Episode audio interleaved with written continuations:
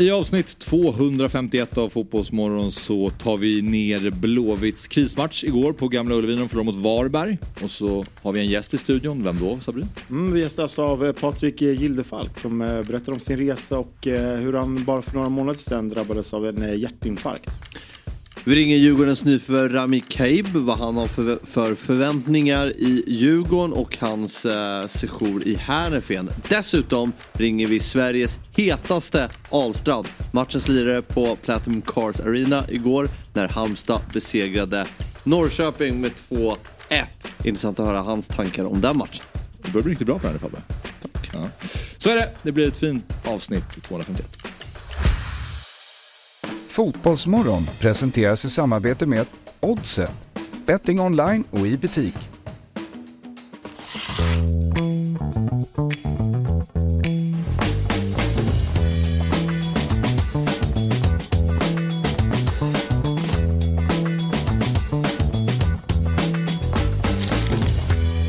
Varmt välkomna till Fotbollsmorgon avsnitt 251.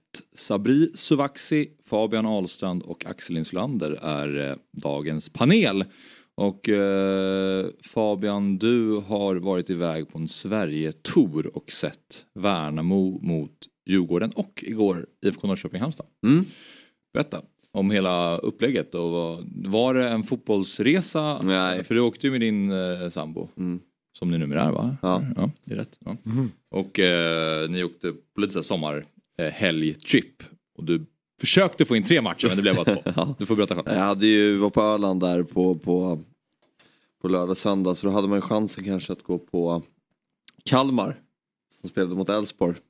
Men det var, det, var, det var svårt att sälja in den. Men eh, det blev i alla fall två matcher. Vi hade vägarna förbi så då blev det Värnamo, Djurgården och eh, Norrköping, eh, Halmstad går på, på hemvägen. Mm. Så det var ju ändå, man passerar ju Norrköping så. Det ju... Varför känns det som att du fintade henne? vi ska på en Sverigetour. Det är när man ritar kartan sådär. ja. Som Axén igår. Vi, vi, vi drar till Portugal, hans fruga fyller 50. Så, ska de, så är det Benfica Southampton samtidigt. Så han är också sådär. Ni är ganska lika. Det gäller att kompromissa, fick man, fick man, fick man gå på festival och sådär. Så det blev bra. Så. Det bara råkade vara fotbollsmatcher där ni befann er. Ja. Värnamo är ju fint man brukar passera. Men eh, det var, man lyckades klämma in den. Hon frågar liksom vilka orter skulle du vilja besöka i den här helgen? Vänta Ja. Värnamo. Vänta en minut, Kalmar. internet. Ja, exakt, jag ska kika på var, vad som är mest logiskt att åka, vilken ordning. Ja, då skulle jag säga Kalmar, Värnamo, Norrköping på vägen hem. Det är perfekt. Ja, men det blev som ett litet U.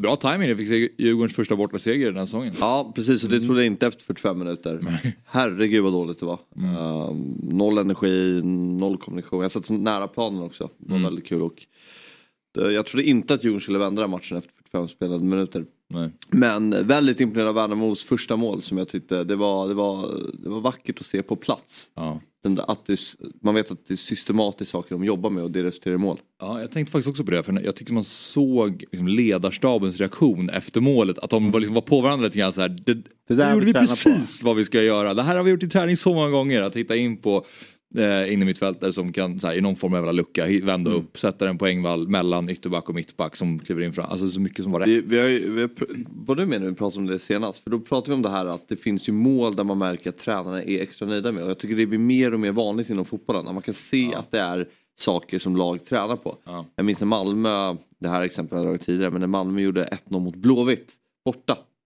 Ja, så var de in, eh, var ju Tinneholm som kom in Mm. centralt. Kommer ihåg att de som zoomade in Malmös assisterande, Theodor. Mm. Och Han var lite så här, eh, man såg att han var lite extra nöjd. Ja. Som, ja, det var ju... och det, det finns andra exempel på det också. Man kan Ja. se att det är mål där det är lite mer tränargärningen. Ja, just det. Men det måste ju ändå vara skönare. Alltså så här, när man har tränat på någonting. Såklart. Och så bara eh, gör man det liksom så funkar det perfekt på match. Det var ju som, eh, vi hade Torstensson var ju Ja. här igår. Det var det någon på bussen som hade sagt så här. Fan, man blir ju bättre på saker när man tränar på det. Man bara, ah, no shit. Liksom. Och om du tränar på något hela veckan och så funkar det liksom mot Malmö borta. Då är det liksom en extra jävla push. Ja. Ehm, Martin Falk som var assisterande, apropå assisterande i Malmö då, han var ju i Gnaget och sen så nu gick han ju över till Malmö. Eh, så nu sitter han, satt han på Malmös bänk, mot, Malmös bänk mot Mjällby Och då var det någon som hade skrivit på Twitter typ så här, vad, vad, vad fort det gick för Falk att sätta sin prägel. I Malmö. Direkt ta med sig AIK-deppen in i Malmö, torska hemma mot Mjällby. det är dundervärvning. Ja, precis. Ja, men apropå, apropå depp och ångest då. Det var en rejält ångestfylld match eh, igår på Gamla Ullevi. Mm. Mellan IFK Göteborg och Varberg och jäkla alltså det stod 0-0 i halvtid men Göteborg det var inte en tillstymmelse till målchans. De var inte bra och sen så gör Varberg två mål och vinner matchen med 2-1 till slut. Då. Mm. Nej men alltså krisen blir ju bara djupare och djupare för Göteborg. Alltså jag läste någonstans att eh, aldrig någonsin har de varit så här dåliga efter 14 omgångar. Och det är så här, eh, man, ki- när man kikade på dem igår då var det också så här, eh, man såg ingenting. Alltså man, man, man, jag, jag, jag känner verkligen så här, eh, vad ska de, hur hur ska de vända på det här? Mm. Alltså så verkligen kände jag seriöst. Och det är så här, de, de hade inte ett skott på mål på 80 minuter. Alltså det, det, det, det, var, det var verkligen bedrövligt. Jag vet inte om, du vet man försöker kanske hitta små ljusglimtar som, som tränare och, och, och liksom så här, det här kan vi plocka med oss. Men jag vet inte vad de, jag vet inte vad de ska plocka med sig. Nej det känns som att det är så mycket som är dystert just nu i Blåvitt. Även om de får in några nya spelare, Santo som startade igår eh, och sen ytterligare eh, Mukkula heter han så. Eh, ja. Ja. Men det är ju så här, vem, vem, det, det jag känner är så här, vem är det som ska göra det? Mm. Ja. Vad, vad känner du själv? Ja, nej, men det är ju, alltså, i synnerhet när det Marcus Berg är, har varit den som ska leda dem, Ja. kliver av i halvtid och har varit ett osynlig. Och de gör ju inga mål. Nej. och de, ursäkta, när vi hade Ola Larsson med oss då var ju han inne på att så här, men vi har förbättrat defensiven och det är i alla fall ett steg i rätt riktning och Halmstad-matchen. Eh, som ändå vissa göteborgare var väl ganska nöjda med även om de eh, bara tog en poäng. Exakt, det var ju en liten överskattad insats blev det ju ändå. Ja, i efterhand när man ser den där matchen så känns det ju absolut så. Och då när de inte ens, då när de, de är nöjda med defensiven och nu släpper de in två hemma mot Halms, eller mot, mot Varberg. Då känns det som, okej då har vi ingenting kvar. Eh, Nej, nej exakt. Nej, jag, jag tror... eh, Jag är rätt övertygad om att de kommer åka ut eh, i år. Det, jag tycker inte att varken truppen eller spelmässigt indikerar någonting på att det ska vända. Där de är just nu. Nej. idag. Och jag vet inte vad, vad, hur mycket bättre man kan göra truppen med värvningar och så. Mm. Eh, så jag, ty- jag tycker det känns ganska eh, kört ut. För, Ja, men det, det, är ju, det är ju så låg energi, det är ju så dåligt självförtroende på vissa spelare. Alltså som man ändå, du vet, ändå förra året kunde prestera eh, på, på en ganska hyfsad nivå. Men alltså självförtroendet är verkligen i botten. Faktiskt, jag ska säga 10, 10 plus till supportrarna. Ja. Eh, de är där, de krigar, de kör. De- De ska ha en eloge. Alltså, de, alltså, de här spelarna de förtjänar inte att ha de här supportrarna. Det är verkligen min känsla. Man kan inte gå ut och ge dem det här. Jag säger så här, jag, AIK är ungefär i samma kris som Göteborg. Men där mot Häcken så kände man ändå att det fanns något. Det, de här värvningarna som har gjorts. Det finns en väg ur den här krisen. Det finns en, det finns en ljus i tunneln av att AIK kanske inte kommer ligga på kvalplats eller nedflyttningsplats när den här eh, Säsongen säsongen, är över. Det kanske de kommer göra ändå. Men du vet det här att man ser något ljus i tunneln. I Göteborg, det är kolsvart. Alltså det är totalt svart. Jag vet inte vad de ska göra. Någonting måste ju hända för att gå ut och ge den där insatsen mot Varberg. Som var det enda laget som låg bakom dem i tabellen. Mm.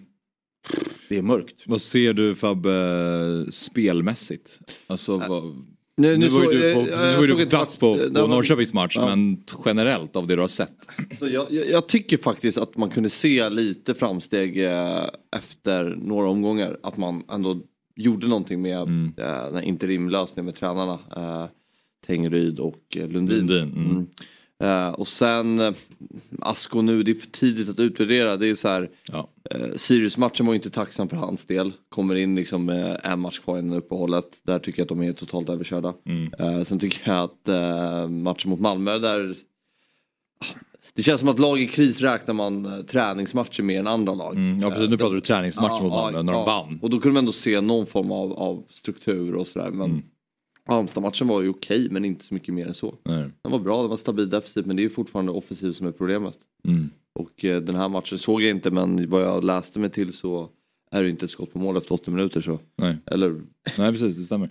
Men det var, de var, jag tycker de känns så himla ur synk mm. IFK Göteborg när man ser dem spela fotboll. Det känns som att de är, alla spelare är på varsin plats på planen. De är aldrig liksom nära varandra. Alltså, Men... Adam Carlén får bollen, har ett hav, liksom ingen spelare som är nära. När Elias Hagen droppar ner och får bollen, samma sak där. Och sen så, slutar det med att de sätter tillbaka till Bångsbo som skickar upp en lång på Marcus Berg som mm. vinner då och då men han är inte lika han har inget självförtroende just nu känns det som och inte så het som alla andra i Göteborg. Så torskar den duellen och sen så har Varberg bollen igen. Där, man är inget, jag är inget taktiskt geni och det, det, det var ju Axén satt ju pratade om det här igår liksom att AIK rent taktiskt var ju liksom ett självmord mot Häcken men av energin så kunde de störa Häcken, göra ett mål. Mm. Göteborg visar ingen, inte ens energi. Nej. Och då är det ändå en ny tränare in och nya spelare det minsta man kan kräva är väl lite, alltså lite mm. krig, lite energi. Mm. Sen det är såklart, en tränare kanske inte kan sätta sin prägel på just det taktiska så här, efter tre, fyra eller han haft laget i en vecka. Men mm. Kom igen, hemmaplan. Det där, det där, vet man ju för till exempel Djurgårdens fall som har haft svårt att vinna derbyn. Och då har ju derbyspöket växt och då har det varit så, okej okay, men hur ska vi göra? Och då blir det som att man pratar extra mycket mm. om det. Och då är en väg som varit, okej okay, men vi ska hantera det som vilken match som helst. Och då går man ut, om man inte lyckas då taktiskt, då kanske det ser ut som att man inte är där på plats. Mm. Och så där. Men det minsta man kan kräva är att ni ska spela som att det är ett derby. Så här, spring och slit och, och, kriga.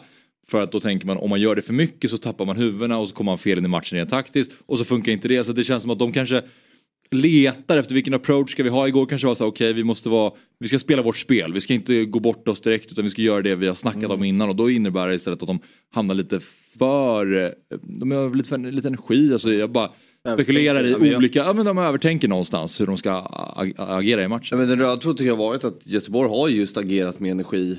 Eh, alltså, nu snackar jag om de senaste två säsongerna. Agerar med mycket energi på men de vet inte vad de ska göra. Mm. Alltså, det, jag tycker det har varit en röd tråd genom de här säsongerna. Att ja. Man inleder bra, till exempel mycket energi på, hem, i synnerhet på hemmaplan. Kanske 10 minuter när man får lite tryck på motståndarna. Men får inte utdelning och sen bara är man för dåliga ja. och tappar poäng. Är det inte omgång 29? Göteborg AIK. Jo, alltså, eh, det kan bli saftigt. Ja. Det kan bli en 2009 eh, repris fast tvärtom. Krisversion. Alltså istället för att eh, lagen kan vinna SM-guld så är det den som torskar åker ut. Jesper, Jesper twittrade ju det igår att något av AIK och Göteborg kommer att åka ut. Ja. Tror ni det? Eller du har ju redan sagt det. Nej, men jag, du tror Göteborg kommer att åka ut tror jag. Med största Något av Göteborg och Varberg kommer åka ut. Jag tycker att eh, jag tycker inte att AIK, jag tycker inte man kunde se några större framsteg med efter, efter första matchen. Sen tror jag att AIK har en tillräckligt bra trupp för att klara Jag tror man kommer ta tillräckligt många poäng. Men där är alltså Degerfors, Sirius, Degerfors vet vi blandar och ger. Mm. Sirius, Värnamo, Hammarby. Det är inget av lagen som jag tycker ska vara där nere och slåss om, om, om kvalspel. Mm. Jag tycker att alla tre lagen är för bra för det. Mm. Um, så det är inte, jag tycker inte man har så många livlinjer. Jag tycker allsvenskan är bättre i år än i fjol. Ja. Med, med bottenlagen så... Eh, mm, så men alltså, jag vet inte hur du känner Axel men det, det, det är inte mysigt att vara liksom på kvalplats att det går åt skogen. Men jag ser lite fram emot Varberg-matchen på, på något konstigt vis. För det är, någon, det är ju någon form av final. Alltså annars AIK borta Varberg trist. Ja. Men jag tycker att det, det, det, är något som kittlar i att det, att det håller på att gå åt helvete. Nej. Alltså varje match är ju en final. Alltså, någonstans handlar ju fotboll om känslor och den där li, lilla ångestkänslan. Ja, den är, den är kraftig. Den är kraftig. Den är där. ja, nej, men jag förstår vad du menar. Det, det är väl alltså, om, man, om man ligger på uh, åttonde plats just nu och känner att det är kört framåt och det är kört bakåt men man är, man är, man är klar ja, för allsvenskt spel 2024 då är det klart att man bara ligger där och, och guppar. Men, här, här brinner det ju fast det är på ett obehagligt sätt. Men det ger det två omgångar. Sen, är det ju, sen, är det ju, sen kommer man kunna se att det är en, en strid mellan tre, fyra lag. Alltså ja. det kan vara så. Det, kan, det, det behöver inte bli mm. bara fler omgångar än så. Blåvitt har ju också ett tufft schema. Ja. De möter Elfsborg borta. Ja, men Varberg hemma, de har ju vaskat den matchen ja. också. Varberg hemma som ska vara ja. en trepoängare. Då är ju den borta. Så livlinorna blir inte, de blir inte man, fler. Man har inte råd att vaska matcher, den saken är säker. Vi ska prata mm, om eh, den andra matchen som spelades igår också. Eh, IFK Norrköping mot Halmstad. Men vi gör det mer vid nio. För då ringer vi upp Erik Ahlstrand också. Mm. Som, eh, Fenomenal insats. Ja, precis. Du var ju på plats så vi måste få din analys av matchen ordentligt också. Så det, det ska vi se till att gå igenom. Eh, men vi ska nu alldeles strax, om vi har med oss honom snart förhoppningsvis, eh, ringa upp eh, Rami Kaib. Djurgårdens nyförvärv, vänsterbacken som var i Elfsborg och sen gick till Holland och Heerenveen och nu är tillbaka i svensk fotboll då, i Djurgården. Och 08.30 om en kvart då får vi besök i studion av Patrik Gildefalk som ju har varit assisterande i AIK, tränat ungdoms och damlandslag och varit i Jönköping Södra och senast eh, borta i Ungern med Bartosz Gerlach och mm. numera klubbchef i Täby.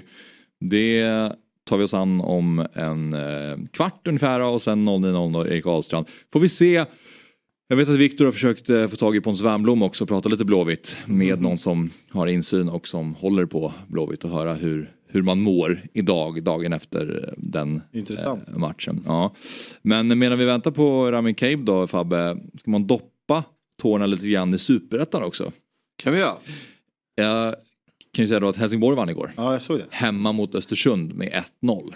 Viktigt. Eh, extremt viktig seger. Självmål också. Ja, löper, skjuter skott som håller på att gå utanför. Eh, och eh, den träffar en eh, FK-spelare och går in i mål i typ 70 minuten. Och de vinner. Skillnaden på bottenlag och bottenlag. Ja, det där är en sån där studs som kan eh, göra säsongen. så att de får spela Superettan nästa år igen också. Och sen så hade vi Utsikten som ställdes mot Trelleborg borta. Trummar på. Vinner med 3-0. Ja. Trummar på. Vad hände där? Ja men de är sjuka. Va? Ja. Är de Göteborgs bästa lag inom fem år eller? Just ah. nu är de ju det i alla fall, det kan man ju konstatera. Även om eh, Häcken Guys också ligger... Ah, jag glömde Häcken. Utsikten är absolut inte Göteborgs bästa lag. Willem Nilsson, en gammal lagkamrat med som typ aldrig skjutit skott. Han provar lyckan. Han går absolut upp i krysset från typ 30 meter mittback. Och då igår? Ja, Utsikten. Mycket som studsar rätt. Såklart. Nu har vi med oss eh, dagens första gäst i Fotbollsmorgon, Rami Kaib. Och eh, vi säger god morgon och välkommen till Fotbollsmorgon. God morgon, tack så mycket. Du, eh, jag tänkte bara börja att ställa en fråga eh, som du har svarat på eh, förr, men för de som inte har hört dig svara. Att jag tänkte att du skulle berätta om dialogen med, med Djurgården och varför ditt val föll på Djurgården. För vi vet att du var i kontakt med några andra klubbar också när du valde att vända hem till, eh, till Sverige. Ja, precis. Nej, men det var väl alltså jag, jag hörde väl eh, från de andra Stockholmsklubbarna men så fort eh, jag hörde att Djurgården var intresserade så, så tog eh, Kosse mig ganska tidigt och eh, eh, Alltså jag tänkte väl inte så mycket på det men sen när jag kom och åkte till Stockholm och träffade Djurgården och sådär så kändes det väl mer personligt än, än bara kontakten mellan agent och klubb. Så att eh, därför var det väldigt mycket mer, intre, mer intressant när, när klubben själv hör av sig till spelaren. Mm. Hur viktigt är sånt när man får träffa klubben och klubben hör av sig till, till dig? Alltså jag vet inte, det är väl en uh, hårfin gräns tror jag. Alltså, jag tror när man hör av sig till en spelare så ska man väl inte heller vara för på utan bara så här, uh, alltså du vet, bara presentera klubben och berätta hur det fungerar och, och berätta planen för spelaren och sådär. Och inte att man liksom kanske ringer varje dag eller någonting sånt. Då kan det bli jobbigt. Utan att man bara ska hålla en, en, en bra liksom, nivå. Då kan det vara vettigt faktiskt. Vad, eh, vad var det givet att du skulle vända hem till Sverige? Eller var du sugen på att stanna i eh, Nej, inte från början. Det var ju inte på tal från början utan jag hade väl andra ambitioner först. Men sen så med min agent och, och vi diskuterade lite och sen så blev det så en, eh, att jag skulle vända hem. Mm. mm. Ja, för du sa till Fotbollskanalen att, som du sa nu ungefär, att de kontaktade dig eh, personligen och välkomnade dig till Stockholm. Var det Bosse Andersson då som var eh, huvudrollen här som hade kontakten med dig? Ja precis, det var han som hörde av sig till mig. Mm. Det är Bosse som alltid har en finger med i spelet när det kommer till eh, se till så att de får över de här när det är en dragkamp om spelare verkar det som. Men eh, tiden i Heerenveen Rami, du, eh, på pappret så ser den eh, lyckad ut med mycket speltid, 21 matcher i ligan den gångna säsongen. Hur eh, har det varit? Ja, den, den har inte varit, eh, alltså det här året har ju varit eh, kat, jag ska inte säga katastrof, men det har inte varit så som jag vill liksom och eh, jag hade ju högre ambitioner. Alltså mina ambitioner var ju att spela VM i vintras. Jag menar, jag bytte ju till Tunisiens mm. landslag förra sommaren och eh, eh, tänkte alltså att jag, jag kommer, alltså om jag bara får en bra start och en bra säsong så kommer jag vara med där. Eh, och det tror jag att jag hade varit, men nu blev det som det blev. Vi fick en ny tränare och jag hamnade på bänken och fick, eh, jag krigade varje dag och tränade hårt och fick några inhopp men det var inte så här typ eh, ja, men, eh, det var inga så här schyssta inhopp, det var kanske när vi ligger under i sista tio och typ jag ska komma in och göra någonting och jag menar som vänsterback, vad skulle du komma in och göra? Så det, var, det var inte roligt och eh, jag fick väl någon chans någon gång när vänsterbacken på min position var skadad eller sjuk och, och gjorde det bra men utan liksom någon, någon eh, påverkan. Mm. Fick du någon förklaring från din eh, tränare varför du blev åsidosatt? Mm, nej, egentligen inte. Alltså, det var bara, han sa bara att det, det är så han vill ha det nu. Eller han menar på att han vill spela med den andra eh, vänsterbacken och det var liksom bara att gilla läget. Alltså, jag försökte få en förklaring och han sa bara att det finns inga brister hos dig som finns hos, alltså, så, i hans styrkor så att han bara, det är bara att gnugga på och och typ sådär och, och jag försökte ställa frågor hela tiden, vad kan jag göra, vad kan jag göra? Men han sa bara det finns ingenting liksom som du kan eh, som du behöver förbättra utan det är bara att jobba på typ men eh, ja, det var mm. väl en uppförsbacke som inte gick att komma upp ur. Men eh, alltså, eh, tjena Rami förresten. Eh, när, ja. när du, du, du, du berättade ju liksom att du hade du har ganska höga ambitioner. Du ville spela ett VM med Tunisien och eh, du ville stanna ja. utomlands. När det liksom inte, alltså när inte utfallet blir som man själv vill, blir det något så personligt misslyckande eller hur, hur jobbar man mentalt liksom för att liksom så här, alltså när, när det man vill liksom inte slår in? Ja, det är klart. Alltså, jag, jag har inte mått bra mentalt eh, i Holland, 100 procent. alltså. Jag, jag tror jag hade min tuffaste period under eh, eh, november, december, januari, typ där någon gång. För att det var ju då när, när jag inte kom med där och jag förstod ju att jag inte skulle komma med men det var liksom så att man fick det lite svart på vitt.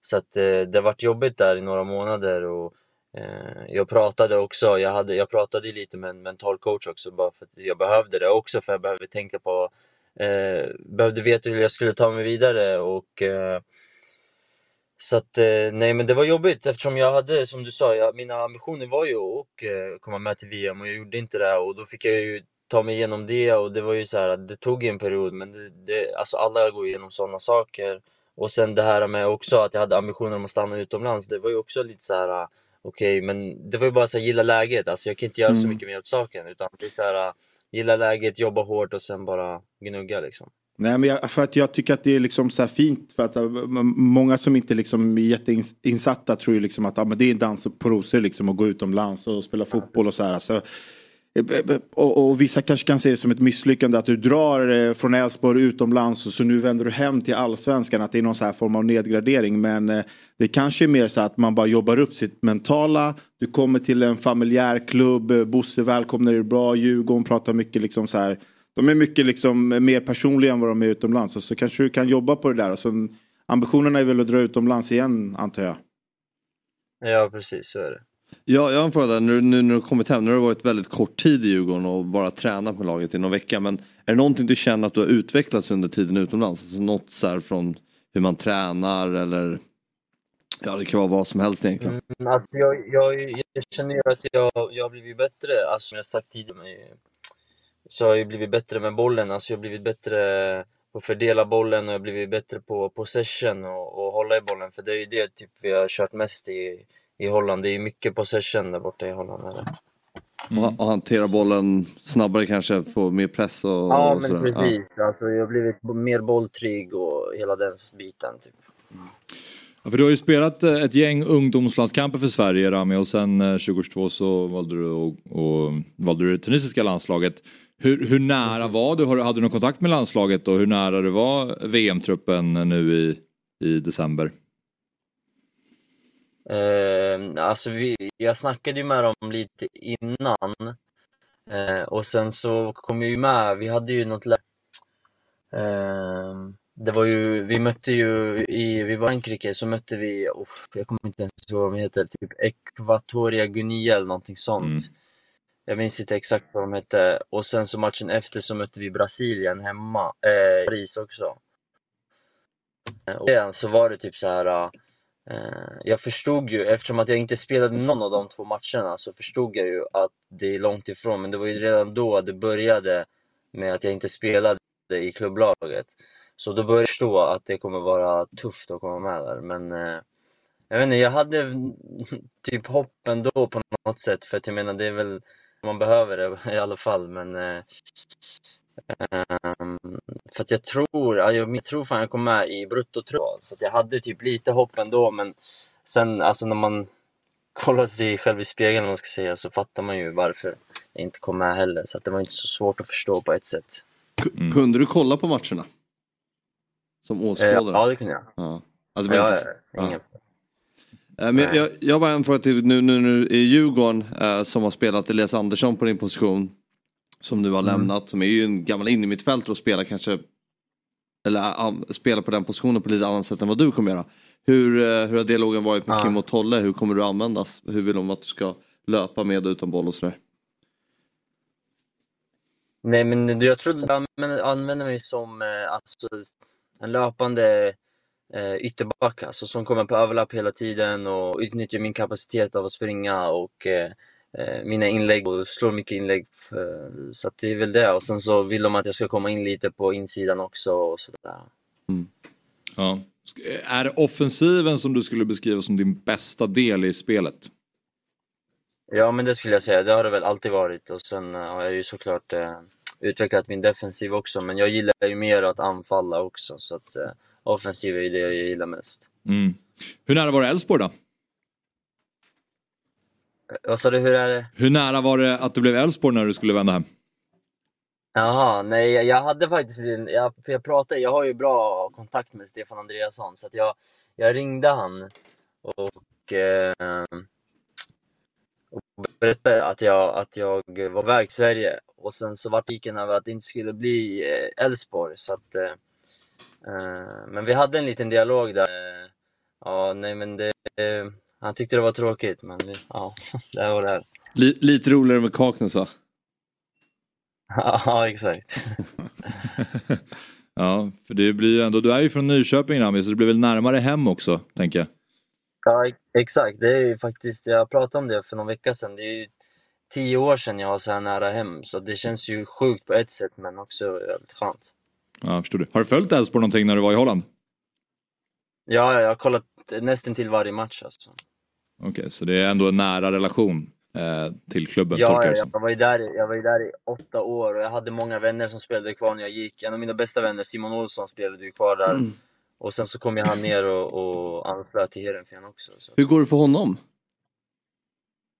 Eh, jo men det går väl eh, helt okej alltså. Han har haft eh, Han hade det väl lite jobbigare i början för de la han på fel position, eller fel position men de, de började Ja. spela in han som en högerytter som ska komma in i banan och jag som känner Simon vet inte passade honom Ja. och han fick inte in det, det bästa utav sig själv.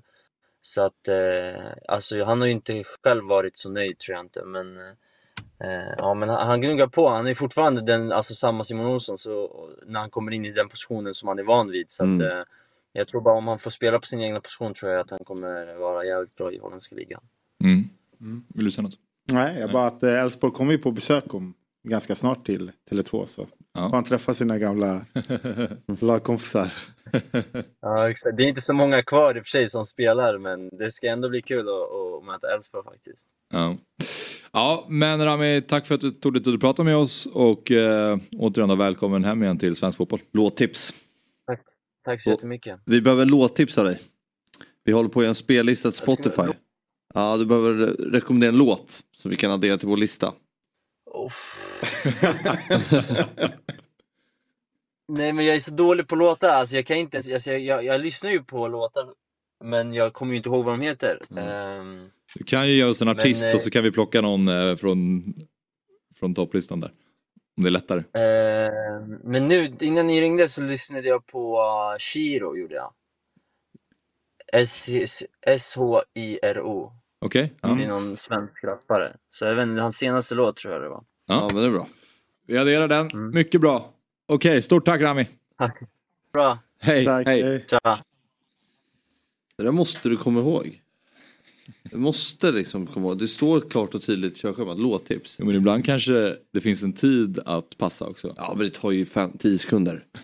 Jo, men det handlar också om att visa respekt till dels för eh, Rami som inte har hela dagen och sen har vi andra personer som ska in i studion. Ja, nej, nej, men jag vet. Men det, man, man känner igen någon när någon bara, ge en bra låt. Alltså du vet så här, man lyssnar ju på musik varje dag. Men när någon liksom bara, det, det står ju still i huvudet vad man ska välja. Ja, det- Den där relationen som han hade, den har varit många gäster som har. Aj, aj, nej, det här går Ja, inte. men- Jag måste få gräva, jag måste gå in i mitt... Och så går de in i sin det, spellista så det, är lämnar de någonstans, alltså, så här, det är någonstans att man, det, det, det är en del av ens personlighet Ja. vad man ger för låt. Så det, det, är ändå, det är viktigare än vad man tror. Ja, absolut.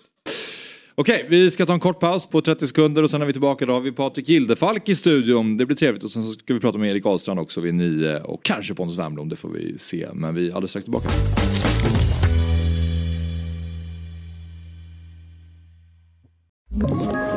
Ett poddtips från Podplay. I podden Något Kaiko garanterar östgötarna Brutti och jag, Davva, dig en stor dos skratt. Där följer jag pladask för köttätandet igen. Man är lite som en jävla vampyr. Man har fått lite blodsmak och då måste man ha mer. Udda spaningar, fängslande anekdoter och en och annan arg rant. Jag måste ha mitt kaffe på morgonen för annars är jag ingen trevlig människa. Då är du ingen trevlig människa, punkt. Något Kaiko, hör du på Podplay. Därför är Varmt välkomna tillbaka till Fotbollsmorgon, eh, avsnitt 251. Sabri Sovaksi, Fabian Ahlstrand och eh, Axel Inslander heter ju jag då, då och vi sitter här i studion. Nu har vi fått besök av Patrik Gildefalk. Eh, välkommen hit. Stort tack, stort tack. Du har då varit assisterande för eh, Rickard Norling och Bartos bland annat och i AIK tränat ungdoms och damlandslag och en kort sejour som huvudtränare i Jönköping Södra och under våren blev det några månader i Ungern med Bartos i Fehervar och sedan juni är du då ny klubbchef i Täby FK. Stämmer bra, inga landslag men ja, lag. Det stod Okej. landslag. Okej. Skit i det. Ja, ja, det är jag som kanske Vi skiter i det. Det står- Landsgnaget. Det står Landsgnaget. det står ungdoms och damlag. Står Ja, det ja, det är, ja, det är rätt. tror jag Snart landslag. Ja. Nej, det vet fan. Vi, vi skiter i det. Vi skiter i det. Ja, men nästan rätt och det är bra i Fotbollsmorgon. Det har blivit mer fel än så. Eh, men eh, många uppdrag i alla fall har du haft. Eh, vad trivs du bäst i? Och sitta här med er tror jag är absolut bäst. Nej men eh, jag vet inte. Alltså bra fråga. Jag tror att liksom eh, nu börjar man ju bli lite äldre också tror jag. Sen jag startade. Jag började ju direkt efter gymnasiet och, och var fotbollstränare liksom. Eh, så jag tror någonstans att när man, när man har jobbat med det så länge så, så just det där med att, att hjälpa till. Eller alltså att vara någons högra hand. Att liksom finnas där för den som behöver stöttning. Det tror jag alltid har liksom eh, gått igång på. Sen, sen tror jag att man behöver erfarenhet av olika saker. Av att ja, leda själv och så. Det är kanske där jag har tagit mina steg. Bland annat när jag åkte till Jönköping i, i ett och ett halvt år. Eller det blev två år. Eh, men då jag jobbade i alla fall i, i ett och ett halvt år så blev det ju liksom ja, få, få, få göra det själv. Eh, men jag tror också den här resan till Ungern nu var någonting som jag kände att det var väldigt liksom, varmt om hjärtat att få vara med någon man tycker om och också liksom få, få stötta den personen eh, så mycket som möjligt. Hur eh, började det från första början då? Du sa att du klev på direkt efter gymnasiet. Hur var det att det fanns ett allmänt fotbollsintresse och ville testa? Eller? Jo men det var det nog. Jag tror att jag liksom eh, Jag var ganska bra på fotboll men inte tillräckligt bra. Eh, och jag blev definitivt inte så bra som jag tror jag ville. Och det gick ganska fort att någonstans känna att det här med, med tränarskapet var intressant. Och började med det redan under gymnasiet. Eh, så direkt efter gymnasiet så blev jag ju liksom lite headhuntad av Björn Westerholm och Micke Stare som var i AIKs regi. Och jag gick AIKs fotbollsgymnasium. Så det blev liksom någonstans naturligt att så här, kom till AIK och så. så att, eh, och då började ju träna pojkar där. Eh, pojkar 13 var det då, pojkar 93 det var Robin Quaison. Eh, väldigt duktig men han åkte ju upp ett snäpp ganska fort eh, för att han var duktig. Eh, nej men också på den vägen och sen så han är med och träna damlaget i Allsvenskan och jag han med och eh, jobba med U21-laget där bland annat eh, Fabbe gjorde några inhopp i, i AIKs U21. Det jag ville liksom på. Eh, ja, men så, så att det var liksom så här, träna spelare var, var, var delaktig i Vasalund också som var en samarbetsklubb. Det var där jag och Fabbe träffades. Eh, nej men och sådär. Så att liksom det fanns mycket där innan jag hamnade i AIKs A-lag som, som liksom jag tror det ledde mig liksom eh, på ett sätt där jag fick göra väldigt mycket olika saker. Eh, vi hade ett Afrikaprojekt vi höll på med, det jag pratat om i tusen gånger. Ja, så det är liksom inte dra ut på det. Men det är liksom så här, det var ju, det var ju tänkt under liksom 2012 och framåt, bland annat eh, Bangura-tiden, liksom, när Sierra Leone låg väldigt nära hjärtat för, för AIK. Så, där vi skulle göra ett projekt som var att jag skulle bo nere i Afrika, nere i Sierra Leone främst då, men vi, vi undersökte bland annat både Ghana och vi var över till Togo och sådär, vilket också är ett separat program tror jag om jag ska, ska, ska berätta den. Men, eh, nej men, och, och då blev det mycket scouting och det skulle bli mycket liksom så här, vi skulle hitta ett sätt på att jobba långsiktigt med att få spelare då främst ifrån Afrika var en av de delarna och eh, bland annat för Tobias Ackerman som också var, chefscout då liksom under den tiden. Men, eh, nej men så det blev det och sen så, så tror jag just det med eh, jobbade då eh, in i herrlaget på det sättet så blev det ju sen egentligen att jag hade ett helt år som analytiker. Mm. Eh, ganska dålig på data. Eh, knappt bra på FM. Eh, sådär. Jag vet att jag öppnade ett Word-dokument liksom. Men skulle lära mig snabbt då hur liksom analys med data men också liksom, jag kan ju titta på fotboll. Alltså jag vet ju vad jag ska titta efter och, och kan jag jobba med personer, i det här fallet Andreas Alm och lyssna vad han vill ha. Eh, så var det inte så svårt. Eh, och idag så är ju de här dataprogrammen, liksom, det blir lättare och lättare och enklare och enklare att hantera. Eh, så det var egentligen på den vägen. Sen kom ju Rickard in. Eh, och då tror jag att jag och Rickard var ju liksom Ja, jag vet inte vad jag ska kalla våran relation men det gick väldigt fort. Eh, och han uppskattade mycket av det som jag gav till honom. Eh, och på den vägen blev det liksom. Var det då? Men jag tror att vi såg fotboll väldigt lika eh, tidigt. Eh, och jag tror också så här att Rickard var ju en del av min uppväxt. Eh, han var tränare när jag spelade ungdomsfotboll. Även om inte jag hade han själv som tränare. Men han var i AIKs A-lag och så. Eh, när jag blev ledare, när jag blev tränare så följde jag eh, AIKs A-lag väldigt mycket. Och då var ju Rickard tränare liksom. Så att, eh, jag tror att på den vägen så tror jag bara att jag visste vad han ville ha. Och därför så så skapade vi någonting. Eh, liksom, vi var ju flera idéer. Jag menar Bartos kom ju in sen och jag menar Neborsa var med under en tid. Och, ja, men massa olika människor och AIK-människor som eh, var med och högst delaktiga i framförallt det guldet vi tog 18. Eh, men vi skapade någonting. Vissa kan nog tycka att det var kanske kändes, eh, jag vet inte, destruktivt ibland. Men eh, 2018 är ju en det är ett år som liksom är en upplevelse som eh, alltid kommer finnas där. Liksom. Det var fantastiskt liksom.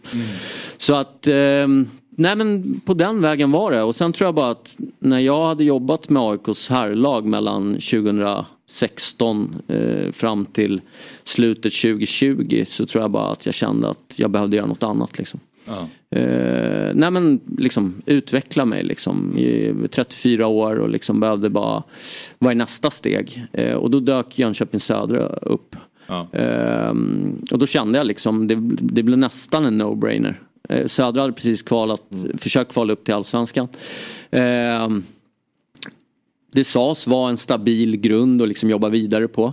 Eh, men jag blev varse ganska fort om att det faktiskt inte var det. Och det var en del bra spelare som hade lämnat och jag tycker inte riktigt att jag själv var nog inte tillräckligt skicklig på att ersätta det. Men eh, ja. Sålde de in någonting som inte fanns då? Eller? Både ja och nej. Alltså det var liksom, det är såklart, jag tror att man levde kvar i att, men vadå, är det så här enkelt det är att hamna på en kvalplats i Superettan? Och jag tror att har man följt Superettan några år så vet man att den där serien så händer det eh, precis vad som helst. Alltså det, varje år är så olika. Jag, vet inte, jag har inte sett jättemycket av år men så som jag tolkar det så, så är det en ganska svag serie i år. Eh, Medan kanske i fjol så var den starkare. Och, ja, det går väldigt upp och ner. Det är inte som allsvenskan även om vi ser att kanske två eh, stor jättar redan är i botten just nu. Liksom, men, Av olika skäl. Men eh, just superettan. Och det tror jag att jag var ganska naiv i när jag gick in i Jönköping Södra. Ja, okej. Tror jag. Ja.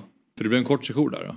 Alltså det blev ju en säsong eh, och sen blev det ju tre tävlingsmatcher Ja. sista året.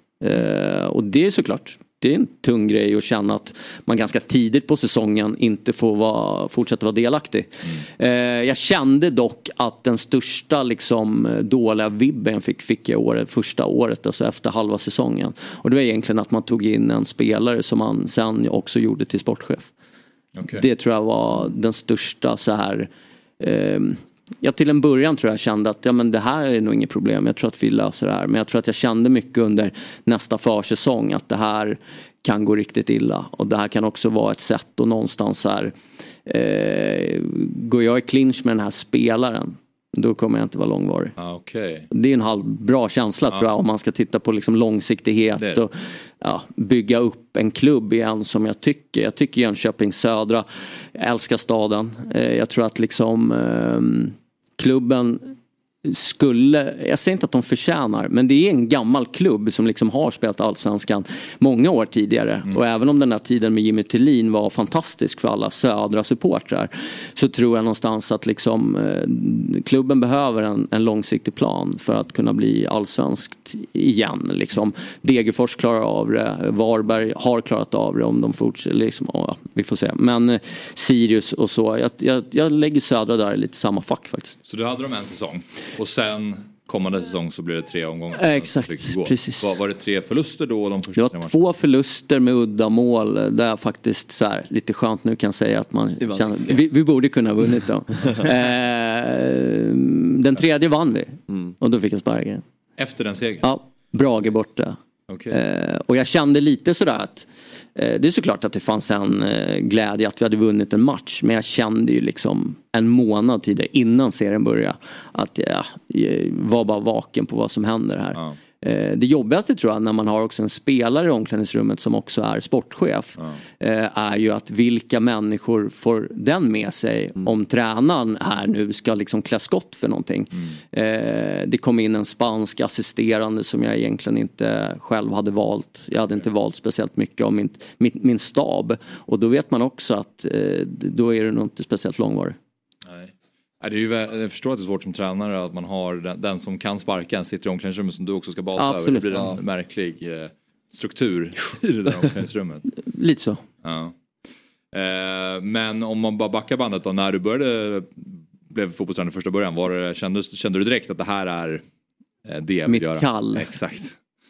Jo men det blev nog så tror jag. Alltså, eh, jag tror att under gymnasietiden, det vet väl alla liksom, så här, man går runt och beroende på vad man gör och man funderar mycket och liksom vilken väg man vill ta och sådär. Och många vet nog att man kanske inte bestämmer riktigt under gymnasiet men, men någonstans så händer någonting och jag tror att jag tidigt liksom valde att det är det här jag ska hålla på med. I och med att jag inte liksom blev fotbollsproffs, eh, att jag inte själv kunde ta de där kliven så tror jag att kan jag hjälpa andra att göra det då, liksom, och mitt driv i det och det är såklart att allt från att ha spelat alla de här Championship Manager till allt vad det heter och liksom få lite sådär Nej men känslan för att det här är en rolig grej och planera och liksom sådär. Jag tror att jag sista ett och ett halvt åren i skolan liksom hellre satt och ritade övningar än att jag liksom gjorde mattetalen för det är jag jättedålig på. Men... Eh, Fabbe som sitter där på kontoret ritar på sitt papper. Ja men det är bra, det är bra grej. Nej men vadå, man måste ta den tiden man tar. Liksom. Ja. Nej men Nej men så att jag, jag tror nog det. Sen så händer mycket på vägen liksom. Det händer väldigt mycket på vägen och man måste liksom som jag säger, jag, jag har gjort väldigt mycket olika roller. Eh, vilket också varit nyttigt för mig för att eh, fortsätta göra det för jag skulle vilja göra det här resten av mitt liv liksom. Mm. Söker du fortfarande liksom vad, vad som passar dig bäst eller tror du att du har hittat det bara att du tycker det är kul att testa på nya utmaningar? Att du kanske blir, ja men som i AIK att du kände efter ett tag att ja men det här har jag gjort nu i så många år, jag behöver en ny utmaning eller jo, men, fortfarande sökande i din profil? Nej, men det känner jag nog. Jag menar jag är 37 i år. Eh, det är jäkligt ungt liksom. Jag, jag liksom. När jag tränade AIK i damallsvenskan var jag 22. Eh, det, det, det, gick väldigt fort. Eh, och jag tror inte jag hade hittat mig själv förrän jag egentligen tror jag lämnade Jönköping. Alltså, då tror jag att jag började liksom se eh, vilken typ av fotboll jag tror passar bäst framförallt i det här landet. Eh, och hur jag ser på det. Däremot så var inte det att nu är jag klubbchef i Täby FK vilket betyder att jag sitter inte och tänker någon taktik här nu utan jag tänker massa administrativa, strategiska eh, val istället för om det ska vara 4-4-2 eller 3-5-2. Men jag tror också att jag behövde eh, tid i en annan stad. Jag tror att jag behövde tid att liksom reflektera, eh, komma bort ifrån planen lite för att någonstans känna att jag liksom så här, ja, men fundera. För att jag tror så här, en erfarenhet det är ju inte en erfarenhet om man liksom inte lär sig att reflektera över den. Eh, om jag bara åker därifrån och tänker fuck it, det är fel på alla andra och inte mig. Då, då, är liksom, då har jag inte lärt mig någonting. Eh, jag har gjort väldigt många dåliga saker eller mindre bra saker. Men jag har också gjort väldigt många bra saker och det gäller ju någonstans att bena ut dem. Mm. Så här långt i din tränarkarriär, vad skulle du säga är höjdpunkten? Ja, men jag nämnde ju 18 såklart. Alltså, att vara assisterande tillsammans med Bartos till Rickard Norling och få vinna SM-guld med en klubb man har jobbat i väldigt länge är ju liksom Mm. the shit liksom. Eh, och det kommer jag, jag, jag var med min son för första gången, han är tre år på, på AIK Häcken nu. Eh, som supporter liksom. Det har jag aldrig varit, det var ju hundra år sedan var det liksom. Eh, I och med att man har jobbat i klubben så länge men, men, och är supporter såklart också men man har inte kunnat gått dit på samma sätt liksom. Och då hittade jag massa liksom guldkläder och saker i en låda som jag då eh, ja, skulle ta fram till honom. Men De lär han inte få ta på sig på ett tag. Eh, Det kommer han inte få göra kanske, men eh, nästa år då jävlar. Nej men så då, då tror jag liksom att det fanns så mycket i det där som gjorde att man sa det här kommer jag bära med mig. Sen är det såklart att den här, den här våren var ju f- vansinnig. Alltså det hände väldigt mycket för mig våren 2023 som liksom är så här. Berätta. Ja. Nej men alltså det är väl såklart att 2022 slutade inget bra med att man får sparken för första gången från ett jobb. Men det var första gången jag fick sparken. Men det är som Micke Stare var ganska tidig, bara några minuter efter att säga att sparken kommer man få i fotboll. Liksom. Och det vet väl han om hur det känns då. Så det var också en så här skön känsla att det finns folk som bryr sig om en även när det går dåligt. Liksom. Eh, men 23 började och jag eh, drabbades av en hjärtinfarkt. Eh, och ja, det blev väl liksom mer officiellt nu för någon, två veckor sedan. Eh, jag hade inte sådär jättemycket att jag liksom ville prata om det tror jag. Eh, och det var inte meningen heller utan jag tror att det landade vid att jag och Annel började prata om varför jag lämnade Ungern. Eh, och då tänkte jag liksom att, nej men fan, fuck it, det vill bara köra liksom. Och det konstiga är liksom, eh, ung ålder, inte liksom, eh, de håller ju på att utreda fortfarande, det kommer ju fortsätta liksom troligtvis hela året innan man vet hur det här kunde ske liksom. Men man, man pratar ju väldigt mycket om liksom kost, levnadsvanor tillsammans med stress och press och annat. Liksom att det finns inte bara en sak som ska kunna utlösa det här utan massa olika saker och eh, genetik och sådär liksom. Så det är väl det man tittar på och jag vill väl dra igång det främst för att se om mina barn som är tre och fyra kommer drabbas av det här när de blir äldre liksom. Ehm, men så det hände i alla fall och det var liksom helt plötsligt. Jag var hemma, det började ont i axeln. Eh, Det gick aldrig ut liksom i bröstet utan det började i axeln och jag kände bara direkt att det var något fel. Liksom. Jag, jag tror jag liksom aldrig skulle så här ringa en ambulans om jag inte känner liksom att nu händer någonting. Men det gjorde jag liksom och eh, då gick det väldigt fort så ambulansen kom. Eh, de satte på EKG och bara efter 30 sekunder så sa de att vi måste åka, åka nu liksom. Eh, du har en hjärtinfarkt. Och då blev jag lite så här, vad, vad är det som händer nu liksom? Eh, och från att jag ringde till att jag var opererad och klar så tog det ju 57 minuter. Eh, och då tackar man ju att man är i Stockholm och inte i Sierra Leone om jag säger så. Liksom. Ehm, så det, det tror jag var liksom, ja, att jag kände där och då när jag var på väg till sjukhuset att så här, kommer jag dö nu liksom? Det, det var en konstig känsla. Eh, och framförallt då med mina barn hemma. Eh, nu kom ju min sambo hem och kunde ta det men hon fattade ju inte någonting. Hon blev ju liksom, vad är det som händer här? Eller ingen fattade ju liksom. Så, ja. Det var upp där på sjukhuset och så in i armen och så ballongsprängde man som det heter ett kranskärl. Ehm, och det var ju liksom då liksom, det är tre kranskärl och så var det bakre som man säger. Det var liksom igenpluggat med skit då liksom. Eh, och så sprängde man bort det där och så kände jag ju direkt hur det liksom, eller ja, jag var väl fullproppad med droger också men det var liksom, man kände ändå att det blev bättre liksom. Och så låg jag där eh, på sjukhus i fyra dagar. Eh, så fick jag komma hem och då skulle jag vara sjukskriven en månad. Under den här tiden då innan så hade det då börjat, så hade jag och Bartos då börjat liksom, eh, han hade nämnt att det kan hända någonting. Att han kan få ett jobb och han frågade om jag vill följa med utomlands. Och så skedde det här. Så att när jag ringde honom sa, samma dag på kvällen och liksom du, eh, det blir nog inget just nu liksom. Jag behöver vara hemma en månad. Då, ja, så var det vad det var. Men Bartos fick ju då Eh, Molfer var klart och video, ex-videoton då klart då för sig och då, då liksom var det bara lycka till då. Men eh, vi hade ju kontakt nästan varje dag han och jag. Liksom han ville kolla in hur det var och jag ville kolla hur det går och sådär. Då, då frågade jag liksom, men hur går det liksom? Då hade det gått två veckor. Och då sa han att nej men jag, jag får inte ner någon just nu för det är de jag vill ha ner eh, är under avtal eller att de ja, bara inte kan åka liksom.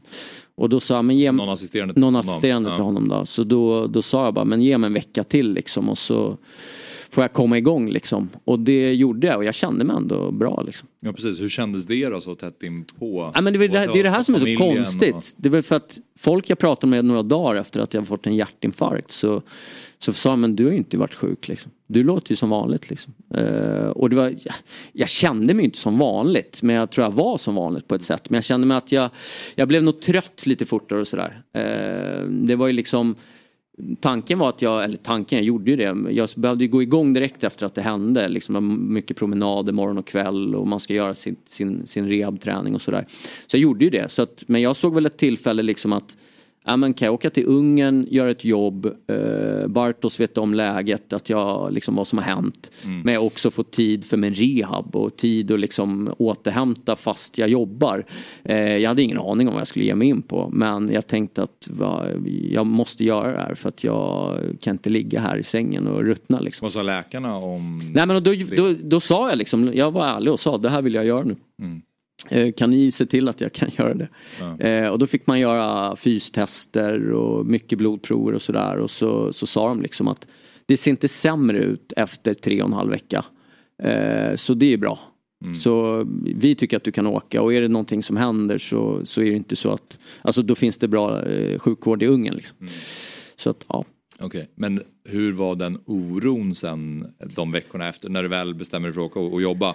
Fanns det något som skulle hända igen? Konstant var Ja, den liksom. Alltså så, så var det. Jo men det gör det nog. Alltså, det finns nog där. Och det, det är ju en mental del som man hela tiden behöver, behöver jobba med. Den kommer och går liksom. Eh, det är ju inte helt hundra nu- heller. Och, och, och grejen är att jag, nu äter ju medicin. Jag tar åtta tabletter om dagen liksom. Och, och det kommer jag få göra resten av livet. Eh, men jag tror att den största rädslan i det så, det är väl mer så här när man har små barn och man känner liksom att eh, händer någonting när jag är med dem eller sådär. Det tror jag att det är sådana mentala spöken. Men, eh, men, men just där nere så tror jag så här, när man väl jobbar så jobbar man och det hjälpte mycket. Men bo på hotell i två månader utan sina barn är ju också eh, viss, till viss del hemskt. Liksom. Ja. Men har du fått någon indikation på vad det kan bero på eller är det fortfarande Men man utredning? pratar ärftlighet nu liksom. Eh, att det kan liksom vara så men att eh, man också kan ha en jävla massa otur liksom. Sen är det såklart att jag tror att eh, vi, vi pratar om det här med fotbollstränarbranschen liksom. Jag menar det är inte en hälsosam bransch på många sätt och vis. Det är ashälsosamt att vinna alla sina matcher, vinna guld varje år och liksom ja, plocka ut feta guldbonusar. Då tror jag att då mår man jättebra. Mm, Men det kan hända något ändå liksom. Eh, går det mindre bra och man vet vad allt vad det innebär. Jag menar, jag ska inte säga att det var liksom den faktorn men det har funnits en del av det. Jag menar, vi, vi, vi hade några år med AIK där sista tiden liksom, där vi jobbade svinhårt liksom. Eh, natt och dag liksom. Ja, det fanns ju tider där jag knappt var hemma liksom och det var ju för att man ville nå liksom eh, att det skulle gå bra. Eh, och när det inte gjorde det så är det såklart att det gör ont. Eh, och jag tror liksom att det man har lärt sig, eller jag har lärt mig av den här tiden är att det gjorde betydligt mycket ondare att förlora en fotbollsmatch med AIK än vad det kanske gjorde i Ungern. Eh, jag ville till liksom hela mitt hjärta att Bartos skulle få lyckas som, som ny tränare för Videoton och hålla kvar klubben, en anrik ungersk klubb. Eh, Och jag ville vara en del av det. Alltså jag ville verkligen det och det gjorde vi och det var fantastiskt liksom. Men när vi förlorade en match så tror jag att det var lättare att någonstans bara känna att ah, nu, är det nästa match liksom. Nu måste liksom det, arbets, vad ska jag säga? Ah, jag vet inte vad man ska kalla det men det är väl lättare att gå vidare. Det var jobbigare att förlora en fotbollsmatch med AIK. Det har det alltid varit liksom. Och nu då? Klubbchef i Täby FK? Exakt. Eh, ja, alltså jag, jag tror bara så här när jag bestämde mig för att åka hem från Ungern eh, och det var ju mycket på grund av att liksom, eh, som jag sa, jag saknade mina barn men jag eh, och min, min familj och liksom eh, som du sa det fanns en oro där nere av att hur man mår. Vissa dagar var bättre än de andra. Eh, men jag hade lite kontakt med Täby och det var ju Janne Eriksson som är ordförande då, gamla eh, mittbacken eh, och vänsterback kanske han också var, det kommer jag inte ihåg. Men eh, ja, skitsamma. Eh, nej men vi hade lite dialog om det och det var ett jobb som jag sökte faktiskt. Eh, lite i liksom, jag vet inte. Eh, innan Ungern när jag började titta runt på vad jag skulle göra. För jag tror att jag hade en känsla av att så här, jag kanske inte ska vara just tränare ett tag och se vad som händer. Sen om jag blir det någon gång igen, det får man ju se. Det, det, jag hade lite kontakt med Täby innan jag åkte till Ungern men i och med att Ungern dök upp så sa jag liksom att kan vi ta den här diskussionen lite senare? Så kan jag få åka och göra det här i Ungern. Och då fick jag frågan av Janne som sa att men vad händer om du blir klubbchef för Täby FK och du får ett annat anbud och vill bli tränare? Då sa jag men det är jättesvårt att liksom svara på nu. Ringer Real Madrid så är det väl jättebra om jag skulle vara i Real Madrid ändå. Ja. Ehm, Men eh, jag kände också att det finns, det finns en fantastisk liksom kraft i Täby. Eh, där jag blev väldigt så liksom eh, smickrad såklart av att veta att man var en av dem som eh, var aktuell för ett sånt jobb. Men också två att det är en stor ungdomsförening. Eh, det är en väldigt stark bredd, det är över 3000 medlemmar. Eh, man har dessutom nu både ett herr och ett damlag som liksom börjar flytta på med, med egna produkter vilket är ju fantastiskt. Man vet vad man är i näringskedjan och jag tror liksom att med min erfarenhet av, av storklubb och utlandet nu och lite sådär och även jobbat med både ungdomar och dam så vet jag ju liksom vad som krävs. Och det tror jag har känt att det är spännande att gå in i, en, i en ny, ett nytt kapitel liksom och få se vad det leder till. Vad är det svåraste att jobba i en sån stor klubb? Alltså med många medlemmar och... Alltså jag har ju precis börjat så att jag tror liksom att eh, min känsla är nu när jag liksom planerar, nu, nu är det ju lite semester här för många här under juli månad men det liksom jag sitter med nu det är väl egentligen att veta att alla ska känna att de blir mer eller mindre sedda liksom. Eh, och hörda. Eh, vi håller på nu med att vi försöker forma en flickakademi. Eh, och det tycker jag är sjukt spännande för det är någonting som inte har funnits där ute och det är någonting jag tror att man kan bli jäkligt starka för nu liksom. Eller med nu. Eh, och det är en del men jag tror just det där med att liksom finnas med herr och dam och pojk och flick och, och, och fotboll för exakt alla och eh, knatteskola och liksom åka runt i Täby på alla dessa planer och liksom prata med föräldrar och finnas där. Det, jag säger inte att det är svårt, eh, om, för det var ju frågan, men det, är- det är en utmaning. Eh, och det kommer bli, tror jag, även en utmaning som kommer vara jäkligt rolig. Eh, under eh, ursäkta, säsongen när ni tog guld 2018, vad... Det är ju roligast att prata om. Men jag vill bara fråga dig, för att jag, vet, att, eller jag jag har för mig att jag sett så här, inför guldmatchen i Kalmar att du håller någon form av brandtal där innan de går ut. Stämmer det eller har jag fått en bakfot? Nej men alltså jag tror brandtalet var nog alltid Rickards. Det var det nog. Men jag tror jag drogs nog mer den. Nej men vi gjorde ju många gånger. Det, det ska ju Rickard ha som en liksom, eloge. Vi kom inte alltid överens alla dagar. Men jag liksom lyfte ju Rickard som kanske den som lyfte mig. Eh, och det är för evigt tacksam för. Liksom. Och det, det var ju många gånger att vi, vi satt på förmiddagen innan en match och liksom formade vår matchgenomgång. Om Rickard inte hade liksom den, den perfekta vibben då sa han ofta till mig liksom att eh, kan du köra matchgenomgången idag? Det kunde vara när som helst, det kunde vara derbyn eller vad det var. Mycket för att jag och Lukas Arndt satt och liksom pillade fram de videoklippen vi ville visa och sådär. Och, eh, liksom mycket under veckans gång så jobbade ju Bartos mycket med liksom träningsplanering och presentationer och så. Och då tror jag att Rickard kände ibland om inte han tog det så kunde jag avlasta honom med det. Så många gånger var det så att spelarna kom till eh, arenan en, en och en halv timme innan. Då höll jag den taktiska genomgången. Sen innan matchen så kunde Rickard liksom trycka iväg någonting. Men, men just det där med Kalmar kommer jag ihåg var det var verkligen en sån här liksom hur, hur eh, Alltså det var en väldigt speciell vecka för jag fick mitt första barn den veckan också. Eh, Mitt emellan, hon skulle födas egentligen eh, kvällen efter Sundsvallsmatchen. Det var ju näst sista matchen. 50 000, 0-0, antiklimax och inte få vinna SM-guld liksom då. Då skulle vi få vårt första barn. Men nu fick vi det två dagar innan Kalmar. Eh, så det var liksom, jag kom ner där till Kalmar med lite liksom, ja som det är eh, när man får sitt första barn. Eh, och eh, då liksom skulle få ihop den där genomgången och då säger Rickard bara på morgonen liksom på matchdag att du kör. Och då ska vi dessutom liksom spela för guldet. Ja. Så det var ju as nice liksom. tror jag. Så det var du som ändå... Jag kan, alltså, hur lång tid har jag? Nej men eh, 30 sekunder så måste jag säga att det sjukaste är att Rickard jobbade ju väldigt mycket med videoklipp. Och eh, han ville ju ha, jättegärna ha videoklipp i varje halvtidspaus. Och just i Kalmar-matchen så kommer jag ihåg att jag hade druckit så ofantligt mycket vatten.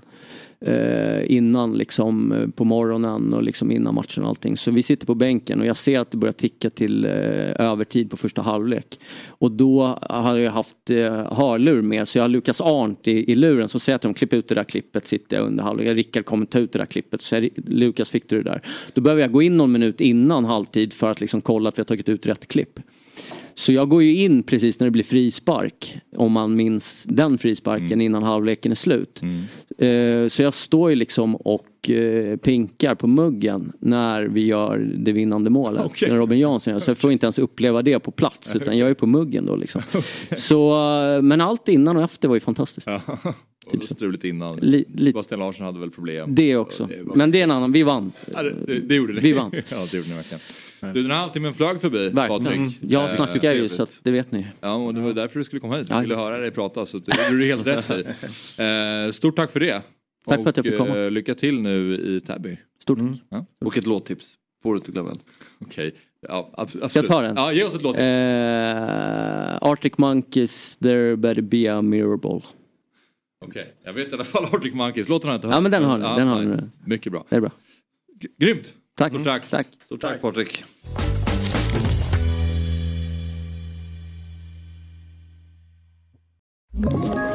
Ett poddtips från Podplay. I fallen jag aldrig glömmer djupdyker Hasse Aro i arbetet bakom några av Sveriges mest uppseendeväckande brottsutredningar. Går vi in med hemlig telefonavlyssning och, och då upplever vi att vi får en total förändring av hans beteende. Vad är det som händer nu? Vem är det som läcker?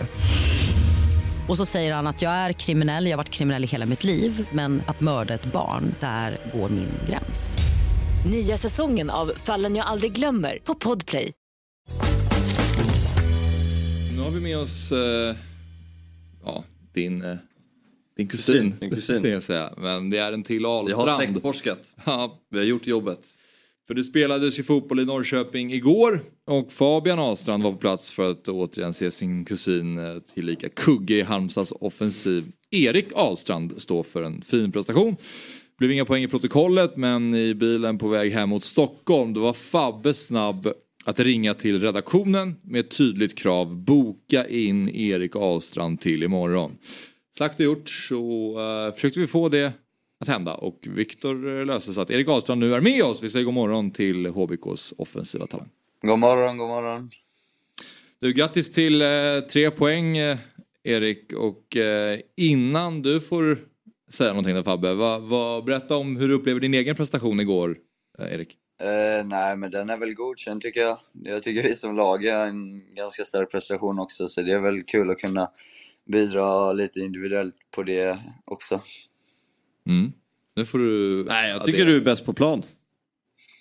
Ja, tack, schysst att höra. Jag tycker det är, ja, verkligen stack ut, minst sagt. Mm. Ge oss din snabba analys av matchen. Nej men, uh, av matchen? Mm. Nej, men, uh, uh, Får se om Erik håller med.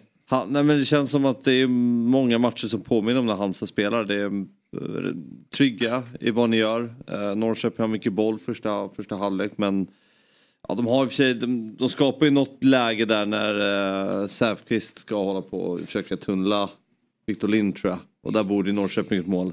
Eh, men det känns ändå som att eh, ni har koll på det rätt bra. Och sen kommer väl utvisningen där. Och, eh, och efter det så är det ju inget snack om saken. Mm. Vad eh, säger du om hans beskrivning här Erik? Eh, nej, men jag tycker den är klockren egentligen. jag kan väl bara inflika lite att jag typ tycker samma och det är väl egentligen vi själva som ställer till det när de får några lägen och kanske lite samma vid målet också. Jag har inte riktigt kollat på målet men det känns som att annars så är vi ganska solida i försvarsspelet och som Fabian också säger att vi känns ganska säkra i laget också när vi låter motståndarna ha bollen och ja, för, alltså, de skapar ju inte jättemycket. Eh, och sen offensivt sett så tycker jag att vi fortsätter på det spåret vi har varit inne på nu de senaste matcherna och hitta bra relationer och våga hålla i bollen lite Mm. längre än, än, det, eller, än så det har varit innan kanske. I och med att eh, ja, föregående år och början på säsongen så hade vi kanske inte lika mycket boll. Men jag tycker det är ett steg framåt i laget som vi har tagit. Sen måste ni stänga matchen tidigare. Alltså ni missar Ja, ja. ju alldeles för många lägen. Och efter kvitteringen också så skapar ni ju Ja. mycket. Men ni har ju någon minut där i första halvlek, det var märkligt för ni bjöd ju typ på tre målchanser till dem. Först var det ju där, eh, det var ju snabba insparkar, ingen var beredd och det var så här, Mm. man kände inte igen Halmstad alls. Liksom. Nej men det är väl lite, i och med att vi har börjat spela ut från målvakt som vi kanske inte har gjort jättemycket innan så blir det ju att någonstans så måste man ju försöka också. Ibland så kommer det lite felbeslut och kanske någon passning som, eh, ja, som inte går hem. Och det är såklart att det blir farligt till motståndaren men de andra gångerna man kanske spelar sig förbi så kan det ju bli farligt till oss. Det skulle jag säga det är en eh, inlärningsprocess som vi håller på just nu. Jag är ju väldigt imponerad över din, eh, din, eh, ja, ditt spel med boll men framförallt utan boll. Hur du löper över stora ytor och kan ta flera löpningar i hög hastighet under liksom en, nästan en och samma aktion. Um, hur, hur står du dig fysiskt jämfört med de andra i laget? Jag tänker löptester nu. Uff, det var länge sedan vi körde löptester faktiskt. Det är inte, alltså, vi håller inte på med något sånt jätteofta individuellt typ. Alltså det är ganska, Trist. vad säger man? Ja, nej men det är ganska, vad säger man? Lagmässig fys om man säger så. Vi Ja. har inte jättemycket individuell fys och fystester för att kolla sånt, vilket är ganska tråkigt för det hade varit kul att se, som du säger, och få lite statistik på det kanske. Mm. Eh, men tyvärr. Du nämnde att eh, du pratade om relationer där tidigare och det känns som ett ganska populärt ord i fotbollen just nu. När ni i Halmstad pratar om relationer på plan, vad pratar ni om då? Vad är, vad är nyckeln där för er? Eh, men eh, nyckeln är ju att alltid kunna spela, vi säger jag får en passning för framåt i banan om någon, alltid har alternativ bakåt och eh, alltså hitta vinklar till varandra så att det inte bara blir de här raka linjerna och passningarna för det blir ganska enkelt att läsa av. Men sen så skulle jag också säga att eh, vi som spelare tar lite ansvar där och alltså hitta, som du säger, relationer till varandra. Att det får vara lite Alltså att man får läsa av lite och inte bara stå på samma yta. Har ni, är det någonting som har kommit lite från spelargruppen att ni tycker att ni kan utveckla spelet eller är det, är det från, från tränarna som vill utveckla spelet? För ni har ju många bra liksom, bollspelare om man tittar på elvan igår så ert mittfält, det är ju många som kan spela fotboll. Liksom.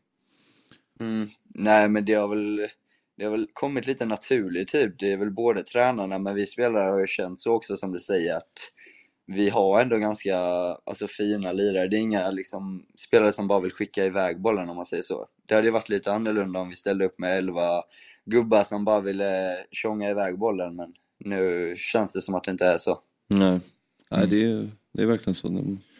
Mm. Men Erik, under uppehållet så hade ni en match mot Kalmar där ni förlorade. Ni mötte Trelleborg i genrepet, förlorade den. Så var det någon u match som jag förstår som ni förlorade ganska stort däremellan också. Eh, det var ju på så sätt inte optimalt kanske. Hur, vad gick ni in med för känsla in till den här matchen Norrköping borta efter eh, det uppehållet? Eh, nej, men jag, alltså, jag kan väl egentligen bara ta, tala mer för egen del där. Och jag gick väl mest in med känslan av vinsten mot eh, Mm. Varberg borta innan uppehållet. Och att de här två träningsmatcherna var väl lite för att komma igång igen typ. Och alltså få upp konditionen och fokusera lite mer på prestationen kanske. I och med att de här matcherna betyder ju inte eh, alltså poängmässigt samma sätt. Så då blir det väl att man kan vara med och utveckla spelet lite mer och fokusera på den biten. Även fast man vill vinna alla matcher så är det ju också ett bra tillfälle att träna på våra saker. Mm. Ja, för ni eh, tänker också på det innan uppehållet då. Förlorar mot Kalmar, sen tors- torskar ni mot BP hemma och sen åker ni till Borås och förlorar stort där. Då kände man ju att nu, nu rasar Halmstad lite grann här. Och sen så vänder ni på det och nu är ni på femte plats i Allsvenskan. Vad eh, gjorde, har ni någonting annorlunda där eller var det bara att det har funkat bättre sen dess? Eh, nej, men det blev väl lite efter den 6-1-torsken mot Elfsborg att fan, det är inte okej gubbar att släppa in sex baljer. Speciellt, alltså så här, det är ju ändå HBK också, eller så här, någonstans är vi väl lite kända för att släppa in ganska få mål och släppa sex i en match borta på Borås. Alltså det är ingen lätt match, men jag tycker inte heller vi ska släppa sex baljer. Eh, och då blev det väl lite efter det i omklädningsrummet att istället för att alla började skrika på varandra, även fast det var lite tjafs och så, så blev det väl mer att vi pratade om att det är nu det är dags att typ samla ihop truppen och samla ihop oss och alltså vara starka tillsammans istället för att börja peka finger åt varandra. Eh, så det är väl egentligen sen dess som det blev en liten vändning. Har, ni, eh, har ni hunnit kolla tabellen eller? Så jag menar, ligger ändå femma. Hur går eh, surret i laget? Det måste ju ändå vara liksom Kanske inte vad folk trodde att eh, Halmstad skulle ligga efter 14-15 omgångar. Nej, nu går, ni, går ni för eh. Europa nu eller? Ja, Jag säger väl att jag försöker, eller vi försöker väl bara gå för att vinna nästa match så får vi se hur långt det tar oss egentligen. För då är nästa fråga, då är frågan Kommer du stanna kvar med Halmstad och köra ett Europa-äventyr eller siktar du att gå utomlands? jag vet inte, det får vi ta då. Precis, det blir ju knivigt när det är liksom Champions League med Halmstad eller eh, om man ska dra till Holland. Ja, det är svårt val. Ja, det får vi se. Ja, nej men eh, bra spelat igår Erik och eh, återigen eh, grattis till segern och, och eh, tack för att du var, var med. Eh, fan, Fortsätt, fortsätt, eh, fortsätt bära namnet med stolthet. Ja, det är viktigt att någon det gör det i alla fall. Ja. Mycket ja, bra. det låter bra. Ja, Ja, stort tack Erik. Kämpa! ja tack. Hej. Ja. Hej. Jag vet. faktiskt, det var faktiskt, jag måste bara säga det, när man, man är på plats och ser så här. Eh, jag tycker man får ju alltid en bättre bild när man är på plats och kollar. Du, du kan ju följa en spelare noga och så här. Men det är, det är faktiskt imponerande att se hur han löper och hur han kan ta flera löpningar i liksom ett och samma anfall bakom och mötande. Alltså han gör allt på planen. Jag vet, så här, AIK har ju pratat om att vi måste få in löpstarka spelare. Det här är ju som drömspelaren. eh, att få in där. Det är ju den typiska profilen. Ja, och väldigt skicklig med bollen också. Han har några kan han ha två spel runt om sig och löser det. Och jag tycker han är helt överlägsen igår. Det är bara det sista, han har några skott som, som går över men han kommer ändå till lägen. Och eh, jag tycker en av absolut seriens bästa spelare den här säsongen. Ja. Ja, verkligen. Det var därför jag skojade till det också med utomlands. Men det, det här är ju ingen spelare som spelar i Allsvenskan nästa år. Det, är- det, Han är ju ung också, 21 år gammal. det är omöjligt. Om, han inte liksom, om det inte är liksom Malmö då som lägger något jättebud och tar han. Men jag tror att det blir, kommer nog inte få se honom i Allsvenskan nästa år. Marco Lund åkte ju på ett rött eh, första halvlek. Exakt. Hur upplevde du det plats? Nej jag tycker inte att det är rött kort. Jag tycker den är väldigt, när jag såg den så blev jag chockad när domaren tog upp det röda. Uh, tycker inte, jag vet inte, uh, Neymar Ahmed där som, som inte, som kommer fri. Men jag tycker inte, kommer han komma fri efter det där läget? Så du, Ja, jag, jag tycker nog ändå att, jag, jag köper att man kan ge rött kort. där. Ja. Alltså, han- alltså, när jag såg den Jag efterhand. ville fråga Erik det faktiskt hur han såg på det. Det är, det är ändå li, så här, lite 50-50. Ja, alltså, Alltså touchen är ganska lång tycker jag. sen, är alltså- sen är det en hård smäll. Alltså tacklingen är ju hård. Alltså, det är en kapning. Det ser brutalt. Det är en kapning. Det, det uppfattade jag inte riktigt första för jag satt liksom Ja. på bortre sidan. Men ehm, om man tar mer av matchen så tycker jag fortfarande Norrköping känns ju, de är ju eh, man märker att de har svårt när de möter sånt här typ av motstånd. Mm. De är lite idélösa, att det inte riktigt finns den här systematiska delen som kan luckra upp ett sånt försvar. Utan de har ju förlitat sig på de individuella prestationerna och det har ju räddat dem lite och gett många poäng till dem. Mm. Tutte Nyman, Sigurdsson Mm. och så vidare. För att, jag menar rent truppmässigt tycker jag inte att Norrköpings trupp är så mycket bättre än Halmstad om jag ska vara helt ärlig. Nej. Om man tittar på lagen som ställde upp igår. Okej, ja. Eh, jag tycker Norrköping har en fantastisk offensiv. Sist tredje, men jag tycker överlag så tycker jag att det är, det är många, det, det, och framförallt för- byten de gör när de tar in Mm. spel. Det känns inte riktigt som att det är en trupp som, de var ju med lite i toppen i början Norrköping och fick en fin start men jag tycker inte, de är inte riktigt där. faktiskt. Men vi, vi pratade ju det med Axén igår också. Det här att vara aggressiv i sin egna box. Alltså som han liksom då tyckte att eh, Elfsborg är bra på till Sirius. exempel. Och, Eh, ja, men vi pratade också om Ja, M- Mjällby väldigt aggressiva i, i båda När de boxar. försvarade sin mål Malmö. Men alltså tar man Hansas 2-1 mål, det är, det är, så, det är slarvigt. Men de, de är rätt, eh, man såg att de var rätt slutkörda också. Ja, jag håller de fick med. jobba mycket utan, alltså de, de fick spela med en man mindre i över en halvlek. det är någon Det var- minut kvar, Jag tätt vet, skott. ja, jag Alltså, vet, men de är, det, det var mycket, fick springa hemåt, löpa utan boll, alltså var, Det var väl Anton Eriksson tror jag. Han är ju en eh, bra. Jag tycker, Ja, jag tycker, jag tycker Anton Eriksson är bra. Det är en bra spelare, ja. Men just där så man märker, jag håller med om, man märker att han är trött. För Naim Mohammed, det är ingen så här superrapp förflyttning av bollen Nej. i sidled. Men han, han skapar sig en lucka tillräckligt mycket för att Eriksson inte hänger med och sen bara placerar in den borta. Mm. Täcker man skottet där så, så Jag är vet, det jag, 1-1. jag känner bara att du vet, alltså, de, gör, de kvitterar väldigt sent. Alltså, då är, I min värld ska man ha energi då. Alltså, man ska ha fått lite energi av att liksom kunna täppa igen där. Alltså, så här, inte släppa in ett sånt mål. Det är, ingen, det, det, det är som du säger, det är inte en jätte, jätte han, driv, han, han bryter in i banan, drar något skott som går emellan två försvarare. Det är inte sen mot den, det är två mot den. Då tycker jag att det är lite svagt. Där hade ju Norrköping faktiskt, alltså det verkligen förlorade eh, en poäng. Eh, Ja. Men alltså jag men tänk- Tottenham har ju ett jätteläge i slutet också att sätta Ja. den 87 typ. Alltså, men det var inte ologiskt att Norrköping, äh, trots att Norrköping kvitterar, så Mm. Men- var det inte ologiskt att Halmstad skulle göra till mål.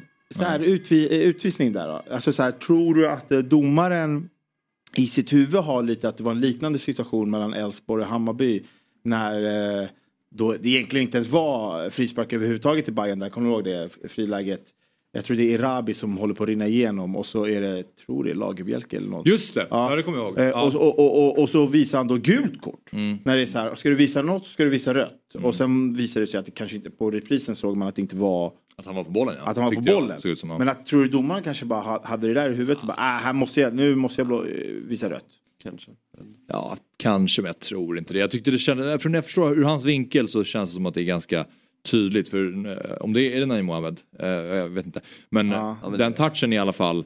Eh, han hinner ju uppenbart först bollen. Touchen är ganska lång men inte så att jag upplever att den är alldeles för lång. Och han blir upp, väldigt tydligt skapad. Norrköpingsspelarna står typ i linje med eh, honom och är ju Mm. liksom felvända medan Naim Mohammed kommer i jävla fart.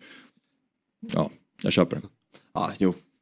Ju mer du säger det så. Men eh, hur var stämningen på Platinum Cars Arena? Ja men eh, bra att du frågar om det för jag är imponerad. Eh, Mm. Jag tyckte det var bra, bra tryck. Sen är det klart att man vill att det ska vara mer publik på den matchen. Eh, jag tror det var 6800, nej 7100 Okej. var det någonting tror jag på, på, Jag kolla upp det. Men, ja.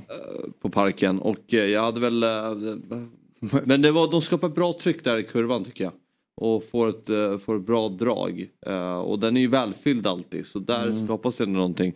Så, um, och lite, lite pyroteknik och sådär. Ja, det är lite trevligt. samma känsla när jag var där. Alltså det, det, det är den kurvan. Sen är det så här, ganska trött eh, sittplats. Eh, tycker jag. Men kurvan eh, kör ju på rätt bra. Men eh, det, det var alltså, bra, bra ös från dem. absolut. Mm. 7162, jag skulle Ja. bara kolla upp det. Precis. Ja, så dryga 7000 då.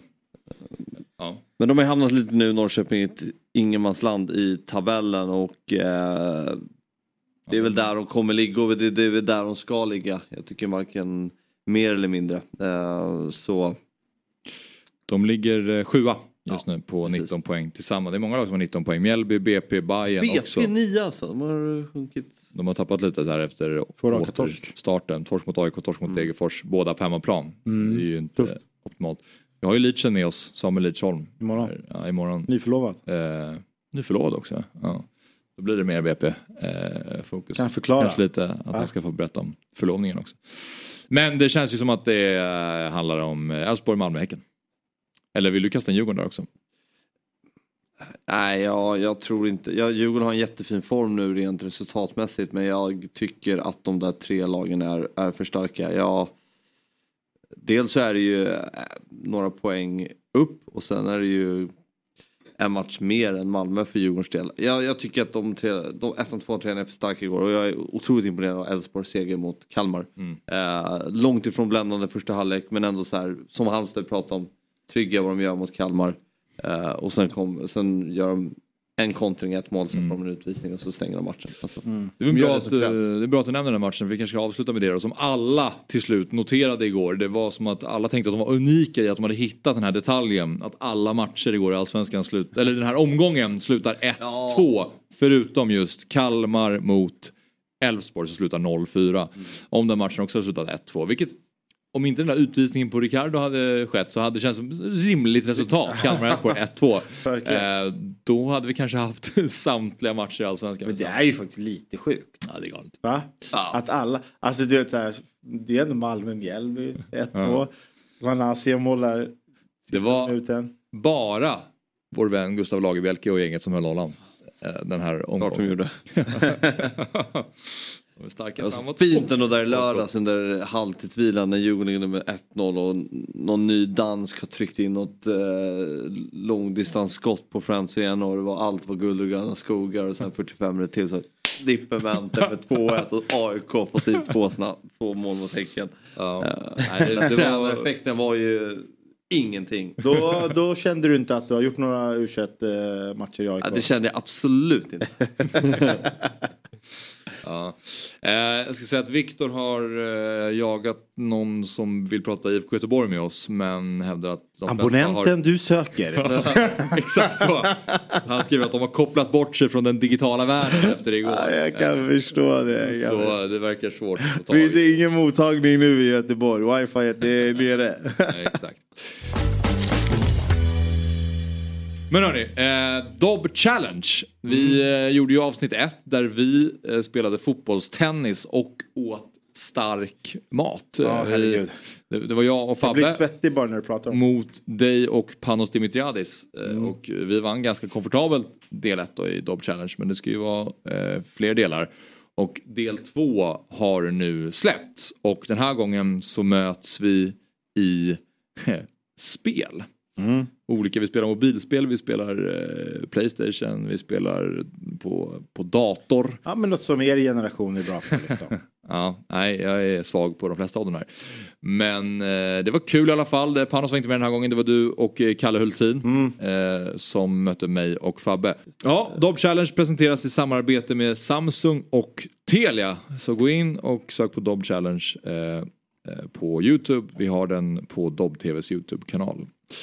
Kul! Eh, härligt avsnitt idag. Vi eh, är såklart tillbaka i morgon igen och då drar vi igång klockan åtta. Så tack för idag, vi ses imorgon. Fotbollsmorgon presenteras i samarbete med Oddset, betting online och i butik.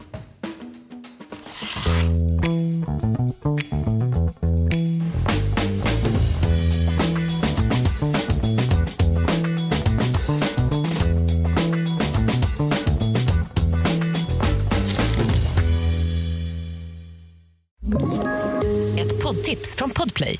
I podden Något Kaiko garanterar östgötarna Brutti och jag, Davva, dig en stor dos skratt. Där följer jag pladask för köttätandet igen. Man är lite som en jävla vampyr. Man har fått lite blodsmak och då måste man ha mer. Udda spaningar, fängslande anekdoter och en och annan arg rant. Jag måste ha mitt kaffe på morgonen för annars är jag ingen trevlig människa. Då är du ingen trevlig människa, punkt. Något Kaiko, hör du på Podplay. Därför arkadeinerna.